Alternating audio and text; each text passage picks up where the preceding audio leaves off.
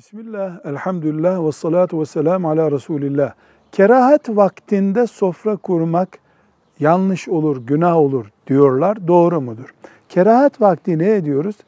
Güneş doğduktan sonra yani sabah namazının vakti biter, güneş doğar. O vakitten sonra 40 dakika, öğle ezanına 40 dakika kala ve akşam ezanına 40 dakika kala bunlara kerahet vakti denir. Bu vakitlerde namaz kılmak mekruhtur, sakıncalıdır.